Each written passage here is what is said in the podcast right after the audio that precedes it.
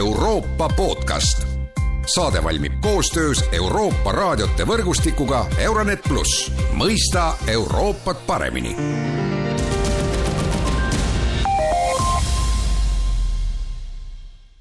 tere taas kuulama Euroopa podcasti.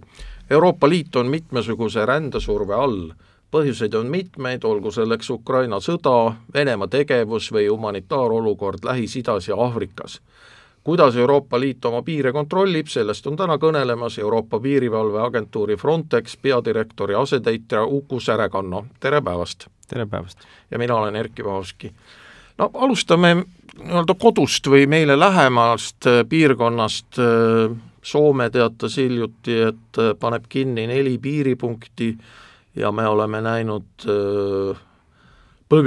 ka Narva sillal, et see põgenike surve või rändesurve Eestile võib suureneda, praegu me räägime küll ainult kuueteistkümnest inimesest, aga märgid on õhus, arvestades soomlaste ja ka lätlaste ja leedulaste tegevust, et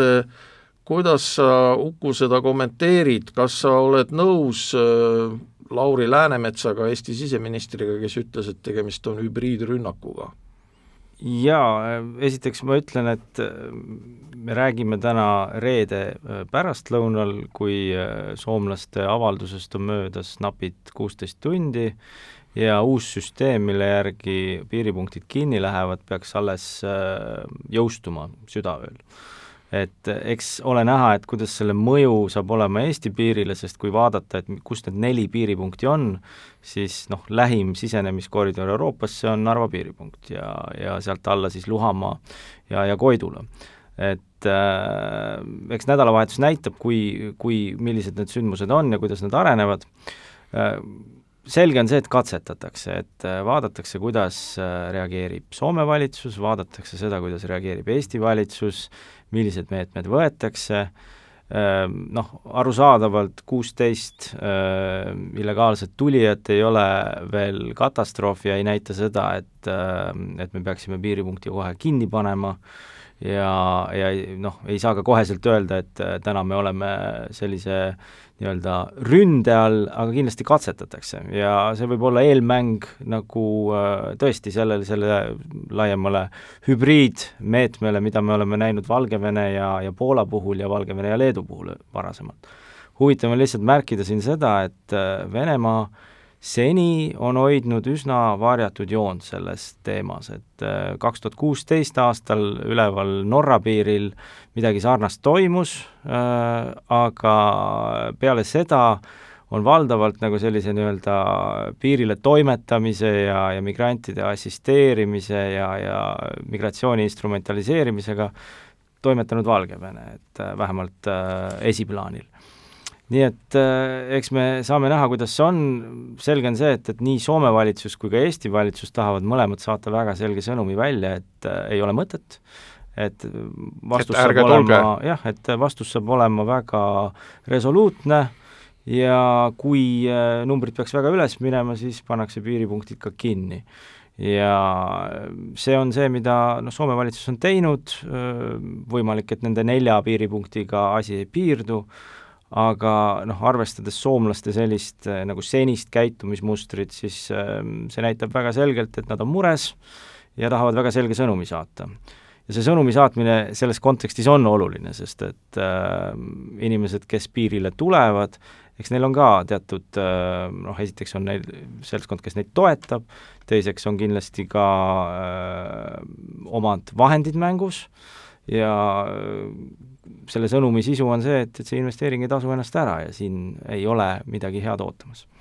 mind huvitab see õiguslik alus, eh, kui me räägime hübriidsõjast, et eh, kas Frontexil või Euroopa Liidul laiemalt on mingisugune kindel kontseptsioon, mida tähendab hübriidsõda ja kui on, et kas siis Frontex või ka vastava riigi piirivalveamet saab mingid laiemad volitused, et, et tegutseda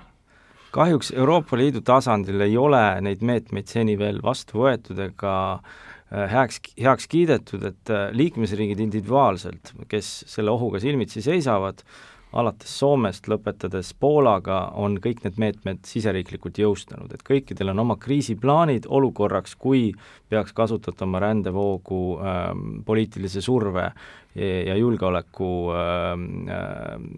nii-öelda operatsioonide eesmärgil et kõikidel on selleks juhuks nagu oma siseriiklikud õigusaktid välja töötatud, Euroopa Liidu tasandil on üks õigusakt, mis peaks reguleerima äh, olukorda, aga see ei ole seni äh, jõudnud äh, oma aruteludega sinnamaani, et ta oleks lähiajal jõustumas. nii et see asetab ka mõnes mõttes Frontexi teatavasse vaakumisse äh,, sest et äh, meie oleme ainus ähm, Euroopa asutus, kellel on äh, täitesaatev, täidesaatva võimu äh, organi või täidesaatvad funktsioonid, meil on inimesed vormides, relvadega, õigusega kasutada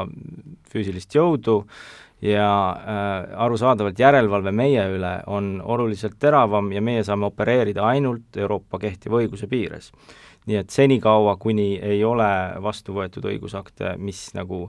räägiks täpsemalt, kuidas hübriidohtude äh, olukorras peab tegutsema Euroopa, on ka Frontexil äh, raske vahetult eesliinil olla. loomulikult me oleme valmis toetama liikmesriiki, kes äh, taolise surve alla satub. aga on vaja sellist kutset siis?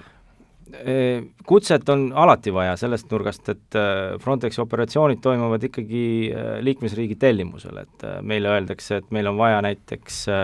appi patrulle, meil on appi vaja näiteks helikoptereid, meil on vaja seiretehnikat, ja, ja sellisel juhul me planeerime selle vastavalt, on loomulikult ka süsteemsed operatsioonid, mis me planeerime äh, jooksvalt ette iga-aastaselt, aga noh, sellised erakorralised sündmused, nagu me näeme näiteks äh, Soomes,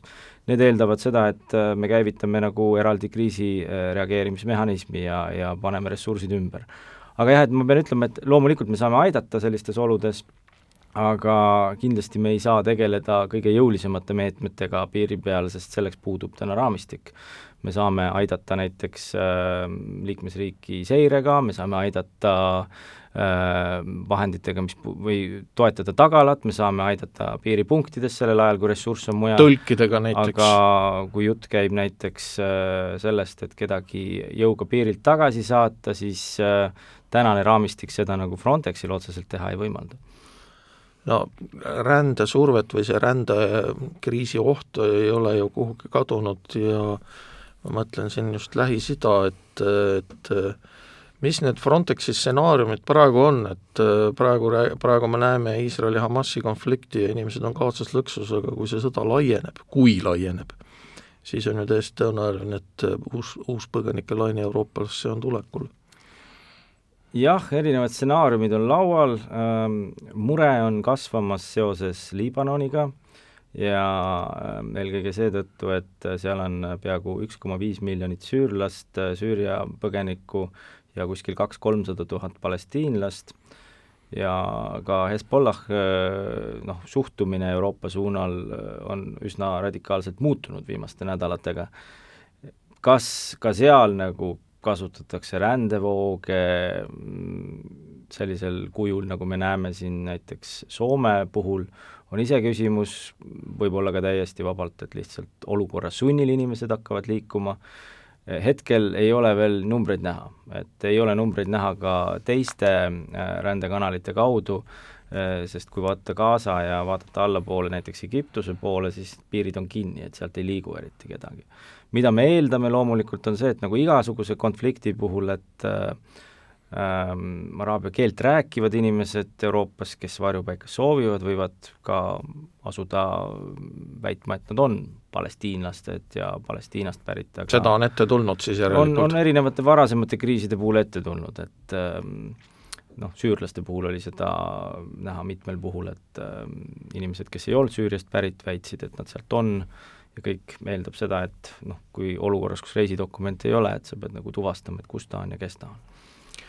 Aga räägime ka Vahemerest, et ka sealt on tulnud põgenikke juurde, võrreldes äh, aastaga, eriti kui jutt läheb Kesk-Vahemerele ja Tuneesiale, mida siis üldse Euroopa Liit äh, saab äh, selle probleemi lahendamiseks ära teha?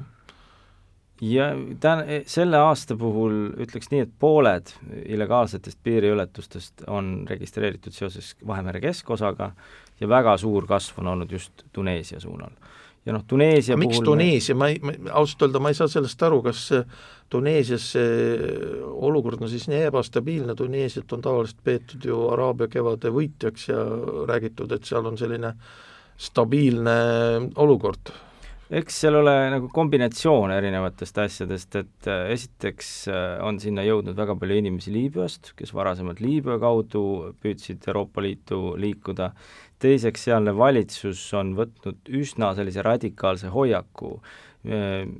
Aafrika migrantide diasporaa suhtes, sundides neid noh, sisuliselt andes mõista, et kõik peaksid naasma koju või, või vähemalt lahkuma Liibüa suunal.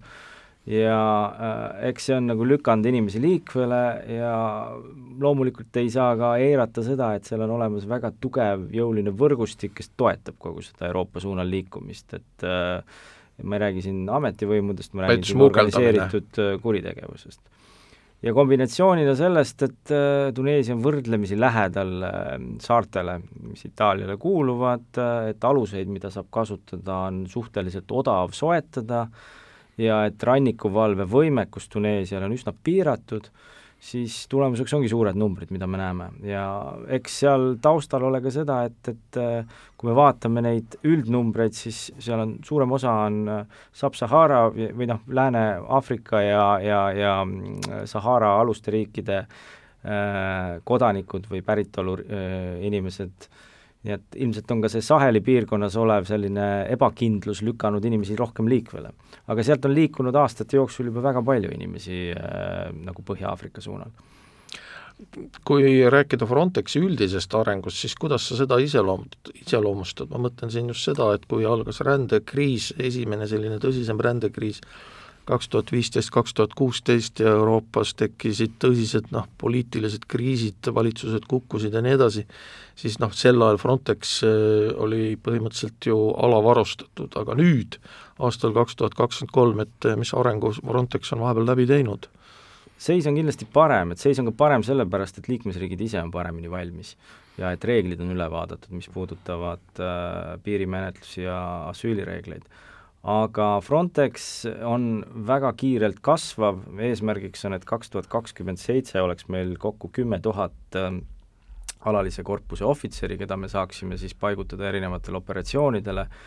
see on kombinatsioon meie enda inimestest, kes on välja õpetatud, aga ka liikmesriikide piirivalvuritest ja paralleelselt noh, meil on neli põhilist võtmesuunda, mida me praegult välja arendame, esimene on siis situatsioonipilt, et tervikuna kokku tuua vaade sellest, mis toimub piiride taga, mis toimub piiri ääres, ja siin on meil väga hea koostöö nagu liikmesriikidega ja süsteemid, mis seda toetavad, satelliidipilt, mis jookseb kokku, analüütika, mis jookseb kokku, aga noh, kindlasti saame teha enam. Teine valdkond on äh, needsamad operatsioonid, kus me saadame oma ohvitsere liikmesriikidele appi, et noh, oleme siin Leedus abis olnud ja praegult noh, kõige suuremad operatsioonid on seoses siin Vahemere, Ukraina ja, ja, ja ja Lääne-Balkaniga, ja, ja kolmas selline valdkond on väljasaatmised, kus me noh, sel aastal kulutame üle saja miljoni euro selle peale, et Euroopast ähm, ebaseaduslikult viibijaid koju saata. ja neljas selline suund, mis on viimane noh, selline laiem suund, on siis tegelikult kogu Eesti või Euroopa Liidu piirihalduse digitaliseerimine, mis on siis minu kapsamaa või vastutusala, ja see seondub siis sellega, et kui te võtate nagu piirivalveressursi, siis täna suurem osa piirivalveressursist on seotud piiripunktidega ja kontrollidega, mida tehakse regulaarselt piiripunkti kaudu tulijate suhtes. aga noh, arvestades kõiki väljakutseid, on eesmärk seda protsessi võimalikult automatiseerida, võimalikult palju nagu vähendada inimressursi äh, vajadust seal ja suunata see ressurss mujale, kus on kriitilisem nii et äh, see, seal tulevad suured süsteemid siis mängu lähiaastatel, nagu üleüldine Euroopa entry-exit süsteem ja, ja ja ETIAS, mis on siis selline mm, loataotluse mehhanism äh, kõikidele, kes tahavad Euroopasse tulla, mis võimaldab teha eelkontrolle ja mis võimaldab ka automatiseerida kogu piiriületusprotsessi. aitäh Uku Särekonna stuudiosse tulemast, see oli tänane Euroopa podcast, kõike head ja kuulmiseni!